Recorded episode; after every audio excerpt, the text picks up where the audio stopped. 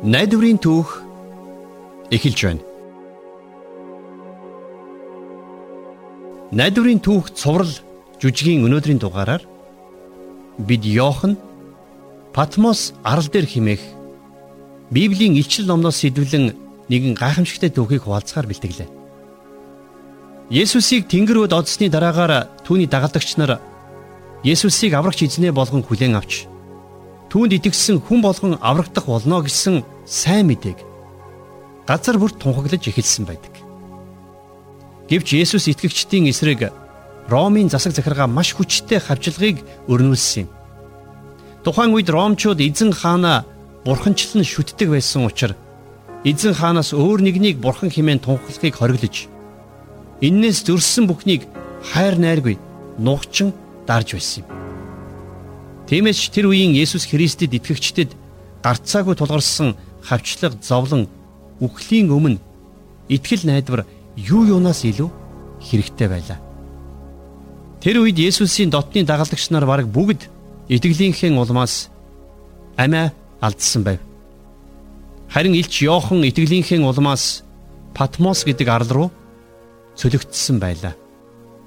Харин энэхүү Патмос арал дээр байхдаа Йохан тэрхүү хүнд хэцүү цаг үед итгэгчдэд дамжуулах итгэл найдварын үзэгдлийг үзсэн юм.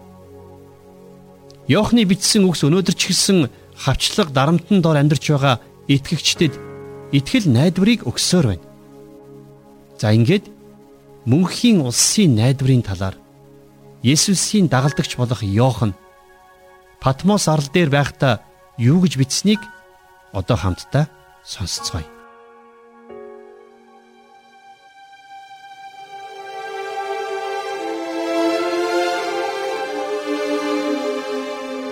Хүнд хүчээр ажлын улмаас Патмарл дээрх амьдрал минь цаг зав муутайхан хөрөндөг байлаа.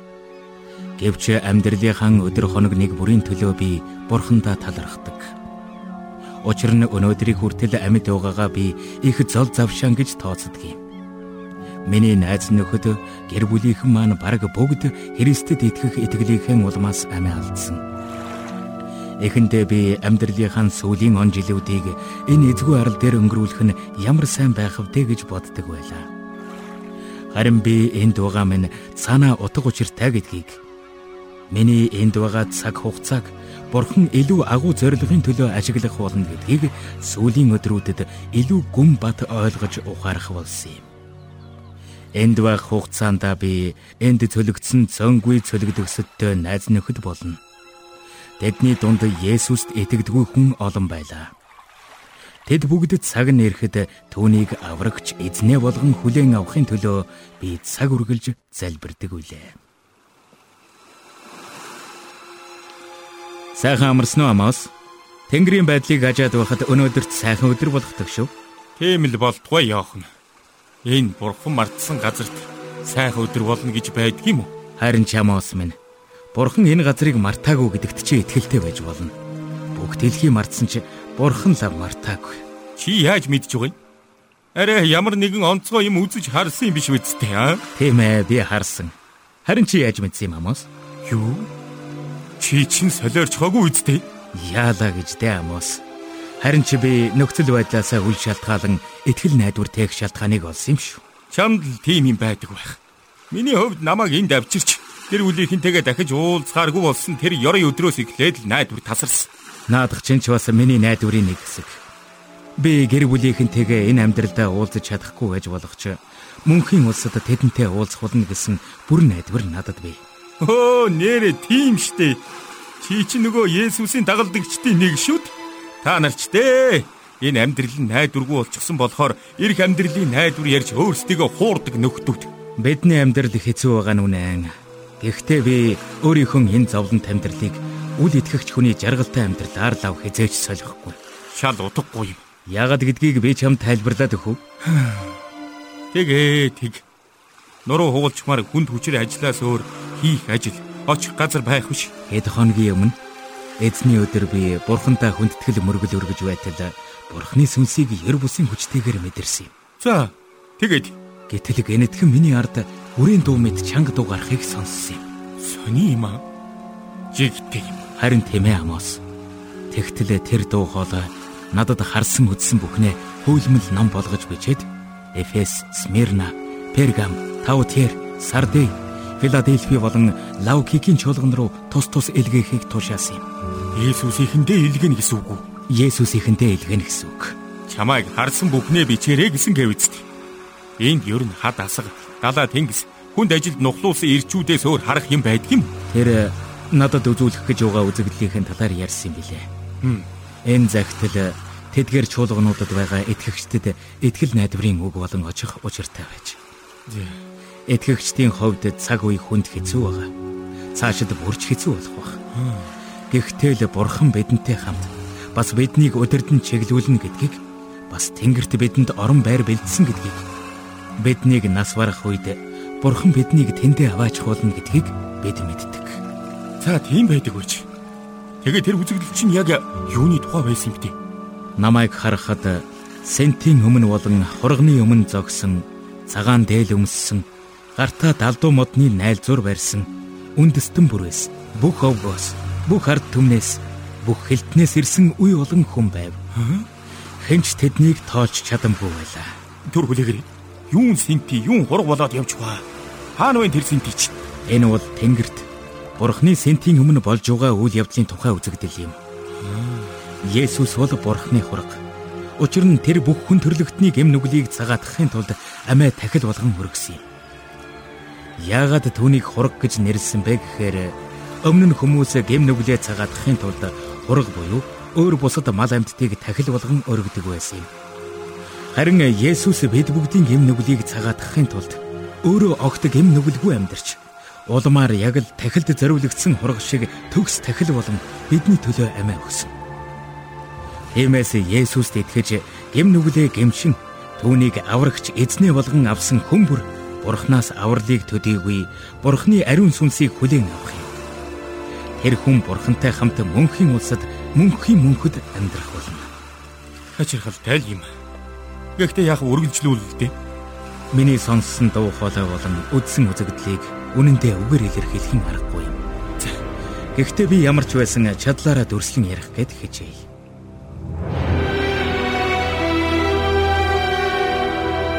Аврал сэнтийг залрагч бидний бурханд ба хурганд байдаг. Амен. Магтаал, алдар, мэрэгэн ухаан, талархал, хүндэтгэл, хүч чадал ба сүр хүч нь бидний бурханд үеийн үед байх болтугай. Амен. Йохан цагаан дээлтэй энэ хүмүүс хэн бэ? Тэд хаанаас ирсэн бэ? Эзэн минь та мэдэн. Эдгээр нь үлэмжих зовлонгоос гарч ирэх сэл бөгөөд тэд дээлээ хурганы цусаар угааж цагаан болгожээ. Тиймээс тэд бурхны сэнти юм байдаг бөгөөд түүний сүм өдөр шөнөгүй түнд үйлчилдэг юм. Сэнтиг залрагч асраараа тэднийг дээгүүрэн бүрхэн. Тэд цаашид өлсөгчгүй, цангахчгүй.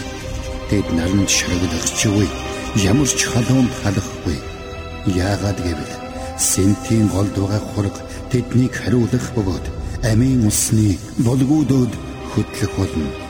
Бурхан тэдний нүднээс урсах нулимс бүрийг арчих болно.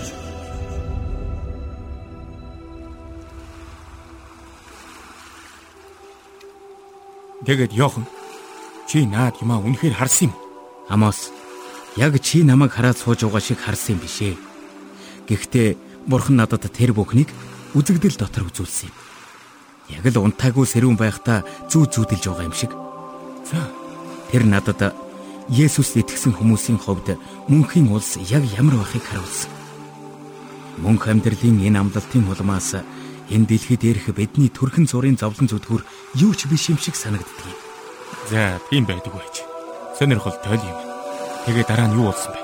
Хэдийгээр ёрын муугийн хүчнүүд бидэнд маш их гай зовлон учруулсан ч нэг л өдөр энэ бүхэн дуусхур болно гэдгийг Бурхан надад илчилж өгсөн. Аа. Бас тэр цагт Бурхан бүх зүйлсийг энэ дэлхийн ертөнцид гэм нүгэл орж ирэхээс өмнө ямар байсан яг л тэр төгс эмх цэгцэнд нь дахин оруулах болно гэдгийг илчилж өгсөн. За тэгээд тэгээд би шин тэнгэр шин газрыг харлаа. Учир нь анхны тэнгэр анхны газар нь өнгөрөн одож тэнгис үгүй болов. Ариун хот шин Ерүсалим нь нөхөртөө зориулан гойсон сүйт бүсгүй мэт бэлтгэгдэн бурхнаас гарч тэнгэрээс бун ирэхийг би гарлаа. Сентенээс гарах чанга дууг би сонсов. Харагтун. Бурхны асар хүмүүсийн дунд байна. Тэр тэдний дунд нутаглах болно. Тэд түүний ард түмэн болж Бурхан өөрөө тэдний дунд байж тэр тэдний нүднээс нулимс бүрийн арчна. Тэнд цаашид үхэл гэж байхгүй. Гашуудах, уйлах, өвдөх гэж үгүй болно. Учир нь анхны юмс өнгөрөн оджээ. гэж тэр дуу хоолой хэлсэн. Дараа нь тэр надад Бурхны болон хурганы синтенээс гарах болор мэт гялалдсан амийн усны голыг үзүүлсэн нь удамж дундуур урсаж байв. Голын хоёр талд 12 төрлийн үр жимс ургуулan сар бүр үр жимсээ боловсруулж буй амийн мод байлаа. Тэр модны навц нь үндэстнүүдийг эдгэхийн тулд байв. Тэнд цаашид ямар ч хараал байхгүй болно. Мөн бурхан ба хурганы синти тэнд байж зарцнаар нь түнд үйлчлэнэ. Тэд түүний царайг харна Төвний нэр тэдний духан дээр байх болно. Тэнд цаашид шүн болохгүй. Эзэн бурхан тэднийг гээгүүлэх учраас тэдэнд дэнгийн гэрэлч, нарны гэрэлч хэрэггүй болно. Тэгээд тэд үеийн үед хаанчлана.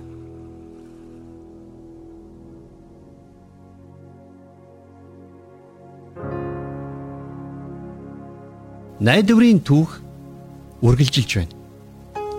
Есүсийг тэнгэрүүд одсны дараагаар Есүсийн дагалдагч нар аимшигт харгас хэрцгий хавчлагтай нүүр тулсан байдаг.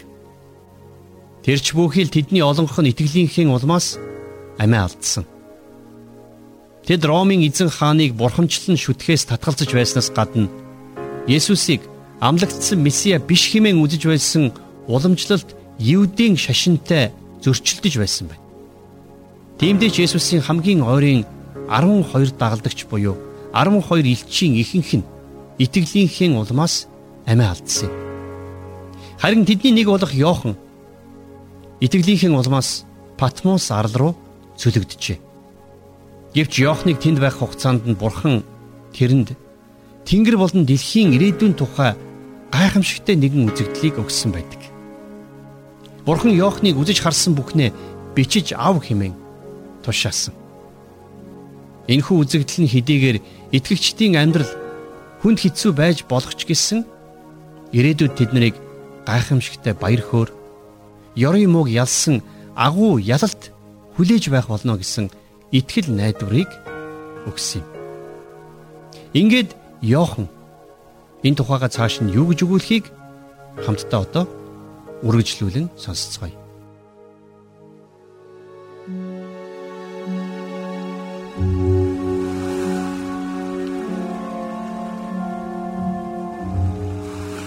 Хэдийгээр Амос Есүс Христийн тухай үнэнд хараахан итгэхгүй байсан ч ямар ч тач Есүсийн сайн мэдээнд анхаарлаа хандуулж эхэлсэн байлаа.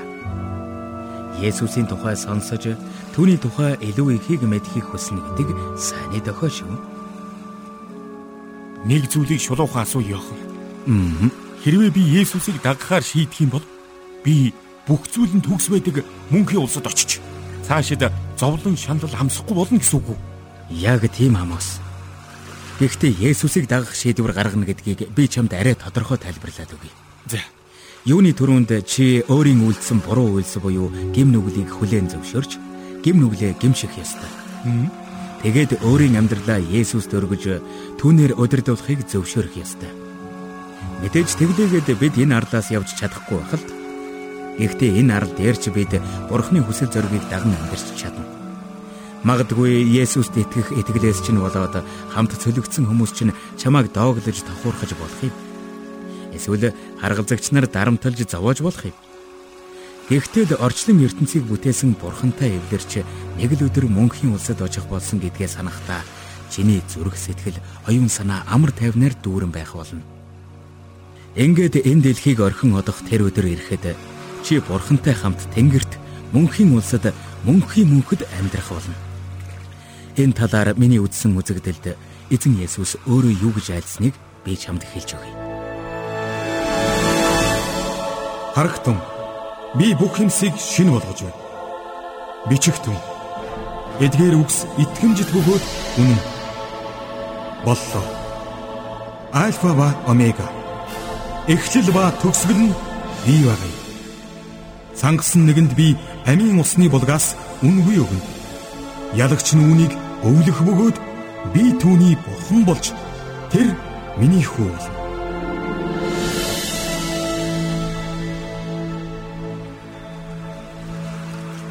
Тэгвэл би ч бас бурхны хүүхэд болох боломжтой гэсэн үг үү?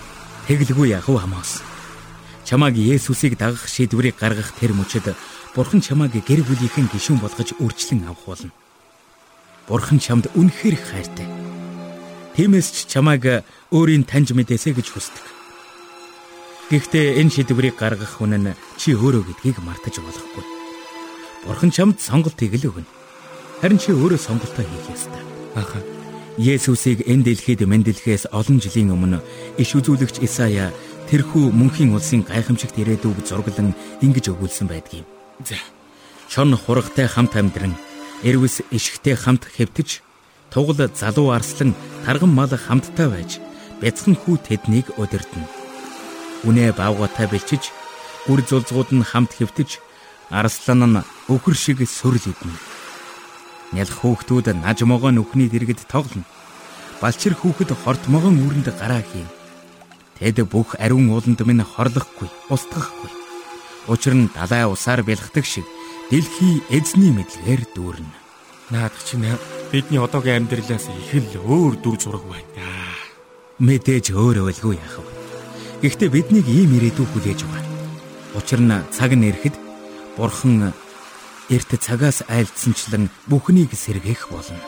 Хэрвээ би энэ зүйлд чинь итгэхгүй эсвэл Есүст итгэж Есүсийг дагахгүй гэсэн шийдвэр гаргавал яах вэ? Мэдээж чи ийм сонголт хийгч бас хийж болно. За бидний эргэн тойронд Есүсийн авралаас татгалзаад дураараа амьдарч байгаа хүмүүс өчнөө байна. Тийм ээ. Гэхдээ би үдсэн үзэгдэлдээ альва бузар ба жигшүрт зүйл үйлдэгсэд худал хуурмаг нь хизээж тийшээ орохгүй. Харин зөвхөн Хурганы амийн номд нэрсэн бичигдэг стэл орох ажиг. Гэх дүүг бас сонссон юм. Тэгэхэр Есүсийг үл тоож сатааны худал хуурмгийг дагагчд нь сатантай хамт тамд мөнхөд тарчлна гэсэн үг. Айхтар хатуу шийтгэл хүлээх нэ? Мэдээж Есүс хэнээгч мөнхөд сүрээсэ гэж хүсдэг. Гэхдээ хамаас минь бид бүгд л өөрсдийнхөө сонголтыг хийх ёстой. Бас хийсэн сонголтынхан үр дагаврыг ч хүртэх ёстой. Бурхан бидэнд өөрийгөө хүчээр итгүүлдэг. Есүс өөрөө хэлэхдээ зам үнэн ам бол би байгаа юм. Хэн ч надаар дамжилгүйгээр эцэгт хүрэхгүй гэсэн юм. Тиймээс бидэнд хоёр л сонголт байна гэсэн үг. Нэг бол Есүст итгэх, эсвэл Есүсээс татгалзах. Чухамдаа энэ сонголтоос ч нь л чиний мөнхийн тавлан шалтгаална гэсэн үг. Миний үдсэн үзэгдлийн төгсгөлд Есүс юу гэж альцныг би чамд хэлж өгье. Харагтун би удахгүй ирнэ. Хүн бүрд үйлцснийхэн дагуу уцаан төлөх шагнал минь надтай хамт байгаа. Альфа ба омега. Эхэм ба эцэс. Эхлэл ба төгсгөл нь би байгаа юм. Амийн мод руу очих эрхтэй болж хотод хаалгаар орохын тулд дээлээ угаагчд нь ерөөлтэйе.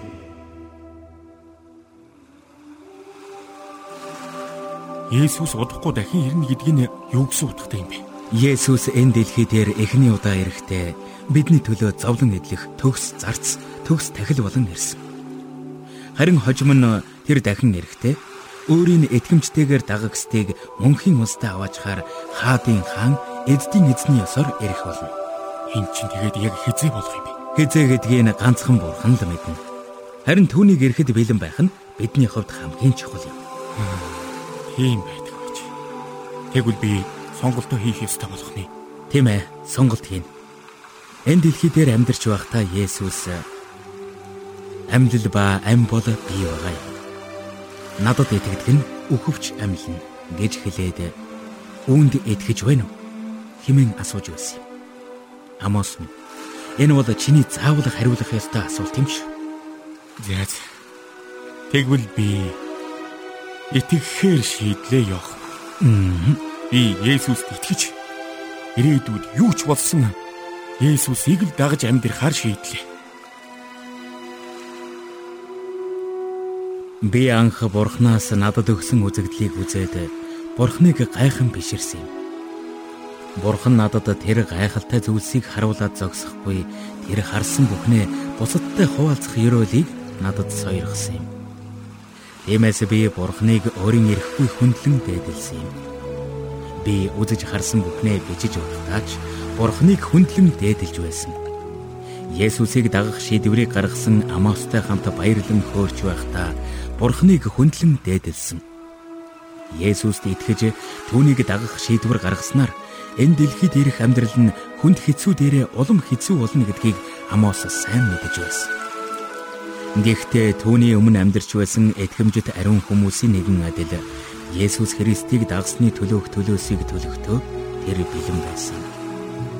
Батмар дээрх цөхрөнгөө барсан энэ амьдрал нь түүнийг Есүсийн амлсан мөнхийн улсын найдварыг хүлээн авахт нь тусалсан билээ.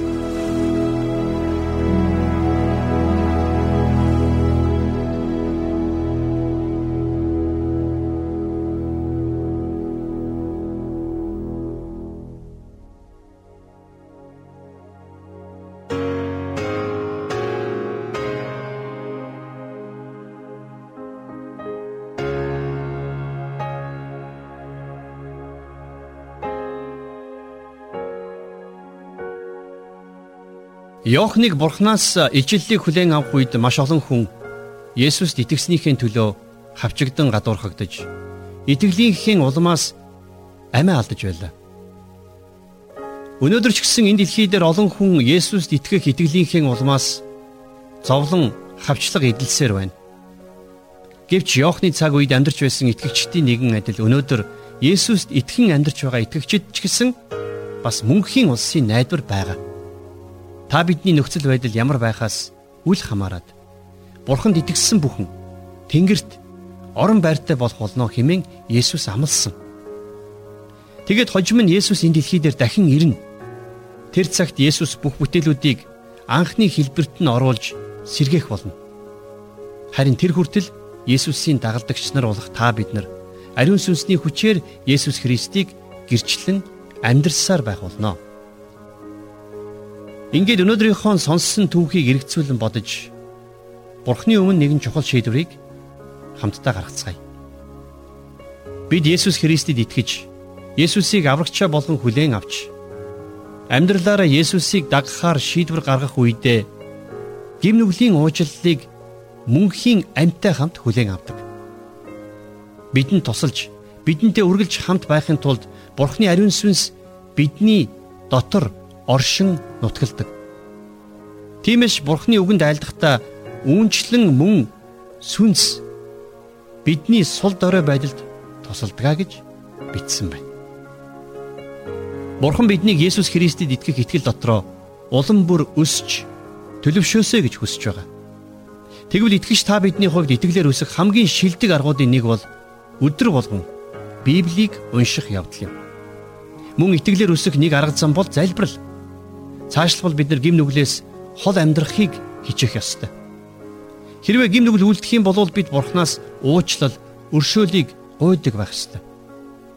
Та бид нар өдөр тутмын амьдралдаа Бурхны өдөрдмжийг эрэл хийлж, Бурхны өдөрдмжаар амьдрах ёстой. Түгээр зогсохгүй бусдын төлөөч залбирах хэрэгтэй шүү. Есүсийг даган амьдрах амьдрал дандаа амар хялбар байдгийн бишээ. Заримдаа итгэгчид бид нар Христийг дагсныхаа төлөө бусдад хавчигдан гадуурхагдах үеч тохиолдно. Хүмүүс биднийг хавчиж гадуурхах үед бид нэг их гайхаж цочирдох хэрэггүй. Учир нь эзэн Есүс өөрөө хэлэхдээ тэд намайг хавчсан бол та нарыг бас хавчих болно. Харин тэд нэрнээс минь болж та нарт энэ бүгдийг үйлдэх болно. Учир нь тэд намайг илгээсэн нэгнийг мэдэхгүй юмаа гэж хэлсэн байна. За мөн цаашлаад надаас болж та нарыг хүмүүст оромжилж хавчиж та нарын эсрэг зүсэн бүрийн ёрын юм худлаар ярихад та нар харин өрөөлтөө юу. Тэнгэрдэг шагналч нь агуу учир баярлцгаа хөөрөн баясцгаа. Учир нь та нараас өмнө байсан иш үзүүлэгчдийг тэд ийхүү хавчсан юмаа гэж Есүс эзэн хэлсэн байна. Харин итгэгч та бидний хувьд хавчлаг дарамтны үед бидний амьдрал хайр болон уучлалаар дүүрэн байх ёстой. Эзэн Есүс өөрөө хэлэхдээ харин би та нарт хэлье. Дайснуудаа хайрл та нарыг хавчигчдийн төлөө залбир гэсэн байна. Эзэн Есүс өөрөө загалмай дээр нас барахтаач өөрийг нь цовдолж байсан тэдгээр хүмүүсийн төлөө залбирч байсан. Есүс Бурхан Аавда хандан Аава Тэднийг уучлаач. Учир нь тэд юу хийж байгаагаа мэдэхгүй байна хэмээн хашгирч байлаа. Гэхдээ хавчлаг дарамтны дунд бид ганцаараа бишээ. Бидний амьдрал тулгарх зовлон бэрхшээл бүхнийг Бурхан сайн мэддэг. Бурхан үргэлж бидэнтэй хамт байдаг. Тиймээс Бурхан бидэнд хандаж би чамайг хизээч орхихгүй мөн хаяхгүй гэж айлдсан. Бурханы амьд оршихгүй. Та бидний амьдралд өнөөдөр ч гэсэн байдаг учраас бид Библиэд бичигдсэний дагуу эзэн бол миний туслагч би айхгүй хин надад юу хийж чадах вэ гэж зоригтойгоор хэлж чаднаа. Харин одоо бид э, Бурхны өмнө нэгэн зөргсдглийн залбирлыг хамтдаа хийх гэж байна. Та миний залбирахыг сонсоод тэгээд дараа намайг дагаад залбираарай. Эзэн Есүс ээ. Миний амьдралд орж ирсэн танд баярлалаа. Өнөөдөр та намайг итгэлээр өсгөд минь туслаач. Амьдралд минь хавчлаг дарамт ирэх үед намайг хүчтэй байлгаач. Та намайг хизээж орхихгүй гэж амласан учраас таньдаа баярлалаа. Одоо энэхүү залбирлыг та намайг дагаад хэлээрэй. А мэдээж ингэхдээ та чин зүрхнээсээ бурханд хандаж залбираарай. Есүс эзэн минь ээ. Миний амьдралд орж ирсэн танд баярлалаа. Та намайг итгэлээр өсгөд минь туслаач. Амьдралд минь хавчлаг дарамт ирэх үед намайг хүчтэй байлгаж өгөөч. Намайг хизээж ганцааран минь орхихгүй гэж та амласан учраас танд баярлалаа. За энэхүү залбирлыг надтай хамт хийсэн танд баярлалаа. Бурхан таны итгэлийн амьдралыг өдөр бүр харамгүйгээр ерөөх болтугай. Ингээд найдварын түүхийн дараачийн дугаараар эргээд уулзцаая.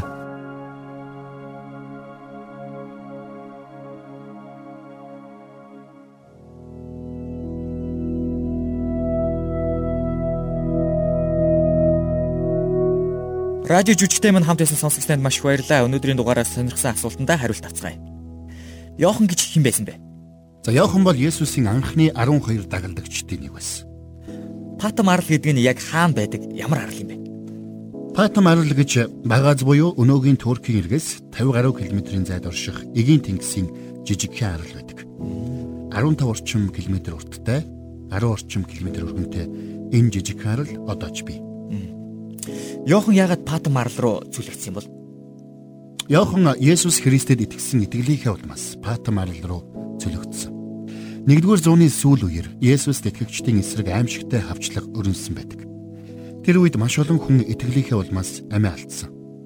Яохны хувьд яг ямар шалтгаанаар цаазлуулахын оронд Патм арал руу цөлөгдсөнийг нарийн мэдэхгүй байна. Магадгүй өндөр настай учраас түүнийг цаазлалгүй цөллөгт явуулсан байж болох юм.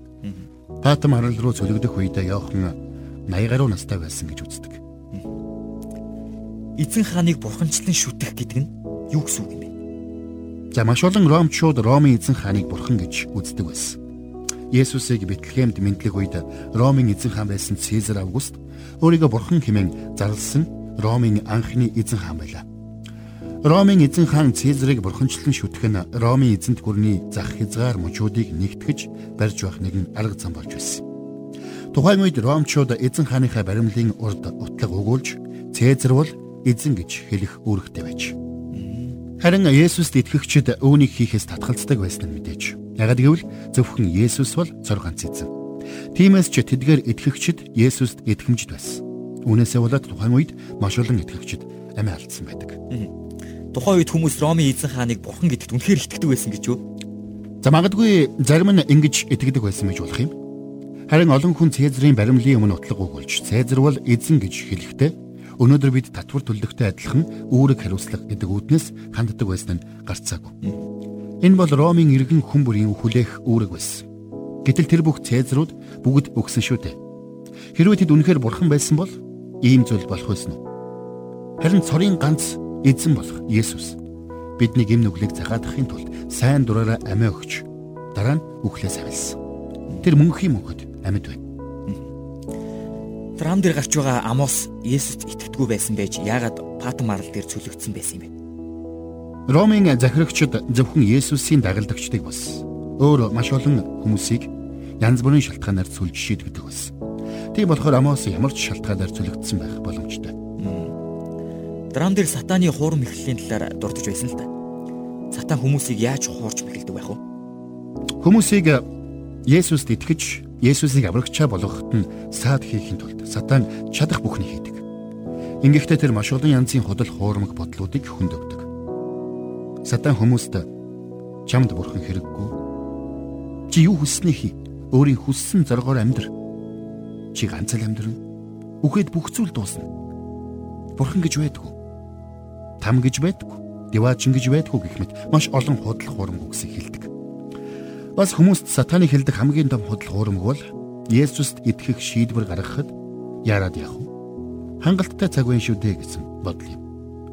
Үнэн дээр бид Есүст итгэх шийдвэрээ хойшлуулах ёсгүй маа. Ягаад гэхээр маргааш бидэнд юу тохиолдохыг бид мэдэхгүй шүү дээ.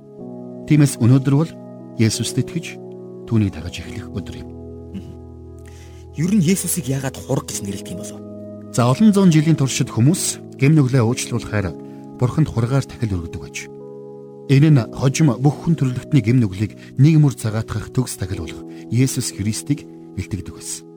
Тиймээс ч Есүсийг алхаж яваг хараад баптизм хүртээгч Иохан харагтун ертөнцийн нүглийг үүрэгч бурхны хураг хэмээн тунхагласан байдаг. Есүс бол хүн төрөлхтний гэм нүглийг цагаатгах төгс тахил. Тэр бүх хүн төрөлхтний гэм нүглийг цагаатгахын төлөө загалмай дээр амиа өгсөн. Тэр миний төлөө бас таны төлөөж амиа өгсөн шүү. Деважин мөнхийн ус гэж үнэхээр байдаг гэж үү? Хэрвээ байдаг бол хаана байж болох вэ? Тийм ээ. Мөнхийн улс үнэхээр бий. Энэ бол бурхны төгс төгөлдөр хаанд улс. Гэвч бидний оюун санаа бидний ойлголт хязгаартай учраас бид мөнхийн улс яг хаана байдгийг хэлж тодорхойлж чаддгүй. Ямар ч тач энэ бол гим нүгэлгүй өвчин зовлон уй гашуу үгүй төгс улс. Зөвхөн Есүст итгэсэн хүмүүс л нас барсныхаа дараа мөнхийн улсад очдог гэдгийг бид мэддэг байхад хангалттай. Там байдаг гэдэгт би нэг итгэдэггүй Хүмүүс нас барсныхаа дараа тамд очино гэхээр ямар ч өнөвшилгүй санагддаг. Миний энэ бодол буруу гэж үү? Өөрийн үзэл бодлыг нээлттэйгээр илэрхийлсэн танд баярлалаа. Бурхны үг болох Библиэд тамийн тухай маш олон удаа өгүүлсэн байдаг.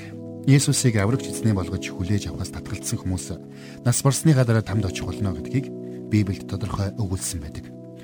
Энэ бол зовлон шанал, хариуцал, гашуудлаар дүүрэн газар юм. Нэгэн тийш ирсэн бол эндээс гарах хаалга гэж байхгүй. Тэндээ зовлон шаналлын тунд мөнхийн мөнхөд болно. Дээлийн хурны цасаар угаалгаж цагаан болгосон хүмүүсийн тухай үүснийг би ерөөсөө ойлгосон.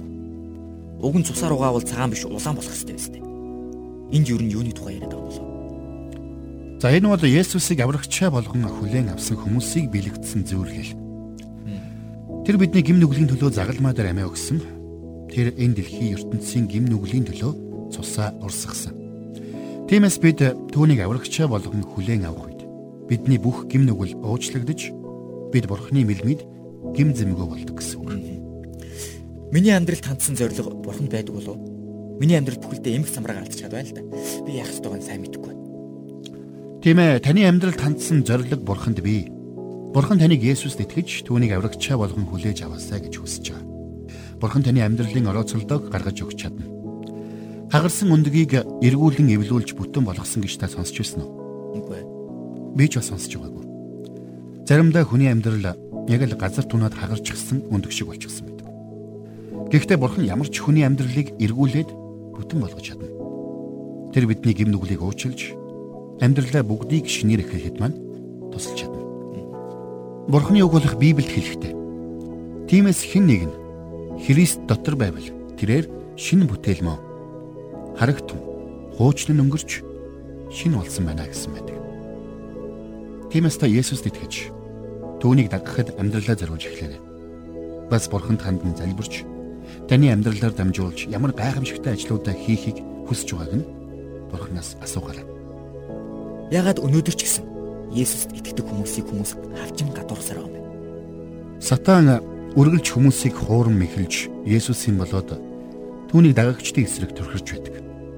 Тэдгээр хүмүүсийн зүрх сэтгэлийг гим нүгэл харалган болгосон байдаг учраас тэд Есүсийг болоод Есүсийн дагалдагчдыг үзэн яддаг. Өнөөдөр ч Есүсийн дагалдагчдыг хавчин гадуурхах үзэгдэл дэлхийд даяар түгээмэл байсаар байна.